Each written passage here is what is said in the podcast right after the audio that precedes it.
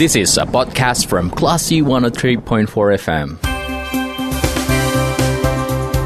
Bicara melawan Corona bersama Classy FM.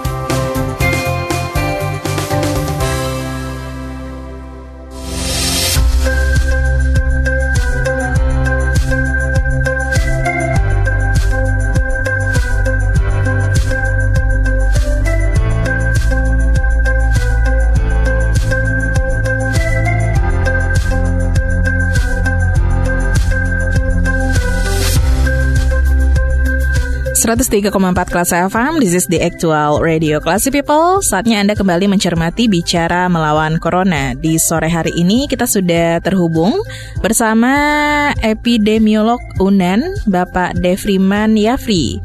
Dan kita akan ngobrol mengenai klaster Barale atau pesta pernikahan di tengah masa pandemi.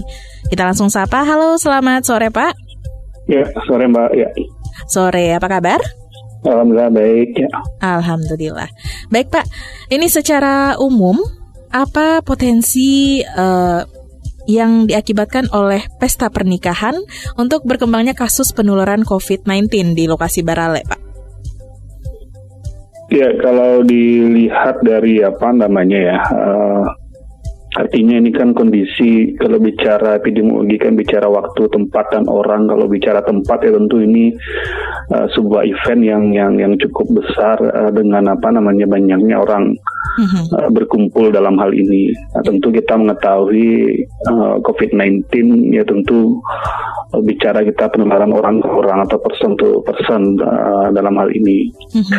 Nah seharusnya potensi ini yang seharusnya memang ketika kita benar-benar apa namanya berempati di dalam melakukan pencegahan terhadap penularan ini ya, seharusnya memang uh, mengajak orang berkumpul banyak itu ya tentu ini yang harus dihindari. Nah, salah satunya itu adalah memang apa namanya pesta pernikahan ini atau barale ini. Mm -hmm. Nah perlu juga dipahami di dalam uh, risk assessment ya atau penilaian uh, risiko terjadinya penularan. Nah, seharusnya juga kita harus kita menilai kapan uh, kondisi ketika kalau kita melihat mengidentifikasi dari awal proses uh, pesta pernikahan ini atau barale ini ya tentu kan kita lihat dari mulai proses uh, apa namanya uh, undangan datang ya seperti itu ya. Apa setelah itu mungkin berjabat tangan atau salaman termasuk juga apa makan ya. Nah ini yang harus apa namanya benar yang yang apa namanya yang dinilai tadi sejauh mana kalau memang ada mengatakan karena kan kita beralih mematuhi protokol kesehatan kan seperti itu. Mm-hmm.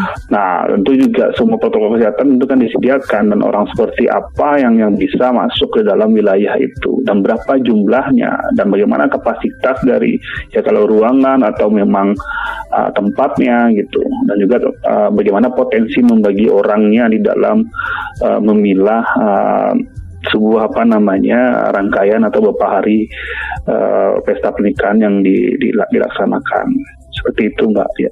Oke, okay. nah sampai saat uh, sekarang ini apakah ada contoh kasus klaster uh, untuk pesta pernikahan pak? Yang saya ketahui kan orang kalau ini ya apa namanya? Tentu yang mengatakan klaster Bapak Kabarale pilkada ini ini pernyataan dari mana gitu? Itu pertama yang yang yang saya ingin klarifikasi. Apakah memang uh, gugus tugas membuat uh, pernyataan sebuah klaster apakah ada juga ini klaster bank nih klaster apa namanya uh, PNS seperti itu kan? Karena memang kalau bicara klaster kita tidak uh, cepat-cepat uh, membuat apa statement bahwa ini adalah penularannya pas waktu barale gitu kan. Karena memang harus dirunut. Uh-huh. apalagi dengan kondisi orang apa namanya tanpa gejala saat sekarang ini gitu. Nah uh, kalau di awal-awal ketika kami ya memperoleh data ya uh, pada masa PSBB itu benar-benar kita analisis dengan tajam gitu uh, bagaimana se apa namanya penularan antara orang ke orang ini antara satu orang ke orang yang lain. Dan kita juga melakukan apa namanya surveillance dan juga wawancara secara mendalam uh, individu-individu uh, yang terinfeksi ini. Dan baru dicocokkan ketika apa uh, masa onsetnya gejalanya. Nah pada saat sekarang ini kan orang tanpa gejala ini bagaimana me, apa namanya menganalisis secara detail bahwa ini adalah sebuah cluster gitu. Cluster biasanya bicara waktu dan juga tempatnya. Apakah ini orang yang sama gitu kan? Nah, bisa saja dia ya contoh dulu di awal. Kita mengatakan dia adalah imported ya ternyata penularan itu terjadi di di rumah. Bukan bukan kasus impor yang anggota kerjanya yang datang dari wilayah yang yang merah atau yang yang uh, terjangkit seperti itu. Mm-hmm. Nah ini yang harus dipastikan gitu mbak itu. Nah saya kan laporan-laporan dari media yang mungkin ada di Panjang atau di Agam atau secara tegas juga ada saya mendengar di Payakumbu gitu. Nah ini harus dipastikan uh, sejauh mana mem memang ya bisa saya bisa ya contoh misalnya ini sederhana ya saya sampaikan uh-huh. biar orang apa masyarakat juga jangan gagal paham. Contoh misalnya kayak sebuah universitas dikatakan nanti oh ya sudah 200 sivitas uh, apa namanya universitas A ini atau B ini uh, terinfeksi coronavirus apakah dikatakan dia klaster kampus kan tidak semudah itu. Iya, iya. Padahal dia pen, yang kita nilai itu bukan terjadi penularan di kampus, dia terjadi penularan di rumah ada anggota keluarganya gitu. Iya. Makanya kalau sekarang trennya, kalau saya melihat dengan jumlah kasus yang banyak itu, malah sudah terjadi apa skenario yang saya khawatirkan di awal-awal itu memang di komunitas atau artinya memang di keluarga gitu. Kita tidak bisa mengidentifikasi lagi apakah ini imported atau uh, transmisi lokal seperti itu. Mm -hmm. Oke, okay. ya, Mbak. Oke, okay. nah sekarang juga uh, lagi banyak diperbincangkan nih Pak di Sumatera Barat ya mengenai uh, Bapak Gubernur Sumatera Barat yang melakukan pesta pernikahan tiga hari berturut-turut. Nah, mungkin komentar dari Pak Dev bagaimana? Ya, saya kira ya kalau kita melihat uh, apa namanya runutan dari uh, apa namanya uh, peraturan dan termasuk juga larangan ini kita juga um, ya tidak kita saja masyarakat banyak bertanya kenapa kok tanggal uh, apa 9 November kan seperti itu. Mm -hmm.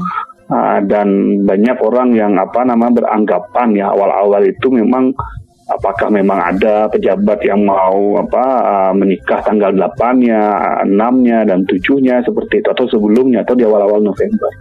Itu yang banyak terjadi apa namanya informasi disinformasi di, di masyarakat termasuk kita juga yang yang awam. Kenapa kok kalau memang ini secara tegas misalnya kita kenapa nggak nggak langsung saja tapi kan ada ada pernyataan bahwa ya karena orang sudah membuking tempat dan segala macam ini menjadi pertimbangan ya. Tapi tentu ini juga juga juga pilihan. Tapi tang tanggal 9 itu apakah benar-benar ada evaluasi menentukan itu atau bagaimana itu tidak kita tidak mengetahui itu. Uh-huh. Nah di sisi lain ketika Pak Gubernur me, me, me, apa namanya me, menyatakan bahwa uh, Pak Gubernur ingin menikahkan anaknya tanggal 6 dan 8 ini orang akan menjadi apa namanya ya tanda tanda tanya wah ternyata Pak Gubernur yang mau apa namanya uh, menikah pada apa namanya pesta pada tanggal 6 dan 8 ini. Mm-hmm. Nah, ini kan bisa dirunut informasi ini ke ke belakang ditarik lagi gitu loh, Mbak.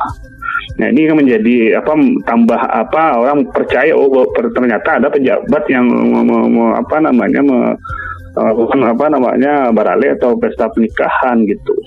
Padahal kan kita juga mendengar secara apa informasi dan sudah diklarifikasi oleh Pak Pak Gubernur bahwa sebenarnya sudah direncanakan pada uh, tanggal apa namanya bulan Desember itu. Nah, mungkin karena ada apa peraturan ini itu di, di kan dan ada pun juga saya melihat rilisnya itu juga dikatakan bahwa sebenarnya Pak Gubernur sudah juga mencetak undangan pada bulan Desember itu gitu.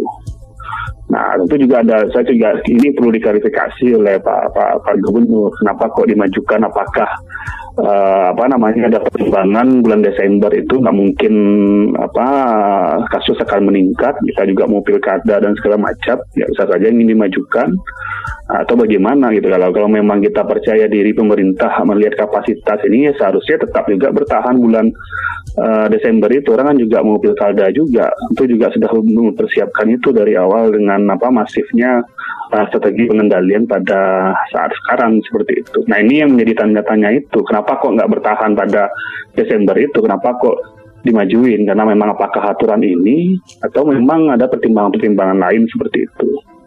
Oke, baik. Nah, ya. Terakhir Pak, ini kondisi terkini perkembangan COVID-19 di Sumatera Barat dari keilmuan uh, Pak Dev bagaimana? Ya, saya sudah sudah menyampaikan bahwa uh, COVID-19 dari uh, model apa namanya uh, kurva epidemi kan memang propagated spread ya artinya penularan orang ke orang. Uh-huh. Jadi kita jangan apa kalau saya sampaikan kalau epidemiologis kita tidak terlalu kaget dengan membicara gelombang ini apakah nanti gelombang kedua atau gelombangnya tidak dihitung lagi. Ini yang harus disampaikan ke masyarakat.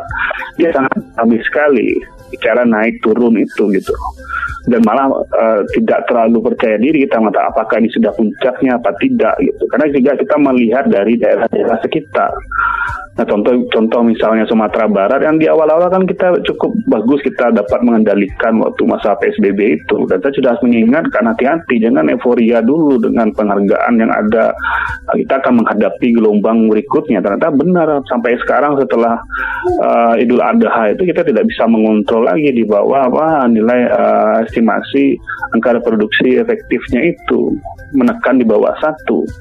Nah, di sini pada saat sekarang ini, ini juga harus menjadi evaluasi karena ada akan ada event-event besar mm-hmm. dan apakah evaluasi terhadap uh, apa namanya protokol kesehatan itu benar-benar bagaimana keadaan masyarakat saat sekarang ini. Nah itu saya tidak pernah mendengar uh, ya survei hasil-hasil survei yang benar-benar komprehensif gitu yang ada survei-survei politik gitu yang disisipkan masalah COVID gitu.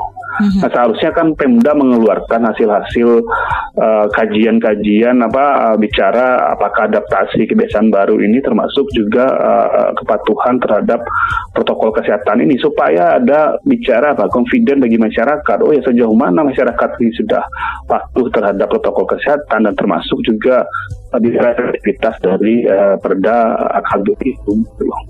Nah, ke depan ya seharusnya ini menjadi ya, pertimbangan ya event besar nih mau apa apakah nanti MTQ pilkada termasuk juga Barale ini dan yang kemarin kita tidak ter apa tidak ter apa antisipasi bicara demo. Nah kan konsekuensinya itu kan kita lihat dua minggu sesudah itu Hmm. Kalau kalau kalau kalau itu pun tidak delay gitu. Kalau dalam delay di dalam uh, melakukan testing ya dia kan mundur lagi. Nah itu yang kan kita hitung. Nah ini uh, untuk bisa menarik bahwa oh ini uh, efek dari apa uh, mobilitas yang tidak terkontrol, apalagi juga liburan. Nah saya kemarin juga saya sampaikan sebenarnya kalau kita belajar kita punya punya data itu dari mobilitas apa namanya pergerakan di Sumbar ini dengan kejadian itu saya punya data emang di awal-awal Agustus dulu itu terjadi lonjakan itu memang persis betul ketika uh, masyarakat banyak ke ruang terbuka atau berkreasi dan dua minggunya mas uh, kasus melengkap itu. Uh-huh. Saya punya data itu mau menyandingkan data data data mobilitas uh, pergerakan orang dengan jumlah kasus yang dilaporkan di Sumatera Barat. Nah, sekarang juga terbukti bahwa gugus tugas juga menyampaikan di pusat bahwa terjadi uh, juga apa lonjakan kasus pada masa liburan kemarin. Nah sebenarnya kalau kita belajar dari situ kita bisa mengantisipasi itu. Nah, tapi kan pilihan itu kan sudah diambil oleh pemerintah. Bagaimanapun ekonomi berjalan, meskipun COVID berjalan kan seperti itu. Artinya kita apa penyebaran virus akan akhirnya kejar-kejaran dengan kemampuan atau kapasitas kita di dalam mendeteksi maupun juga menekan atau melakukan uh, pencegahan terhadap uh, COVID-19. Seperti itu, Mbak. Oke, baik, Pak.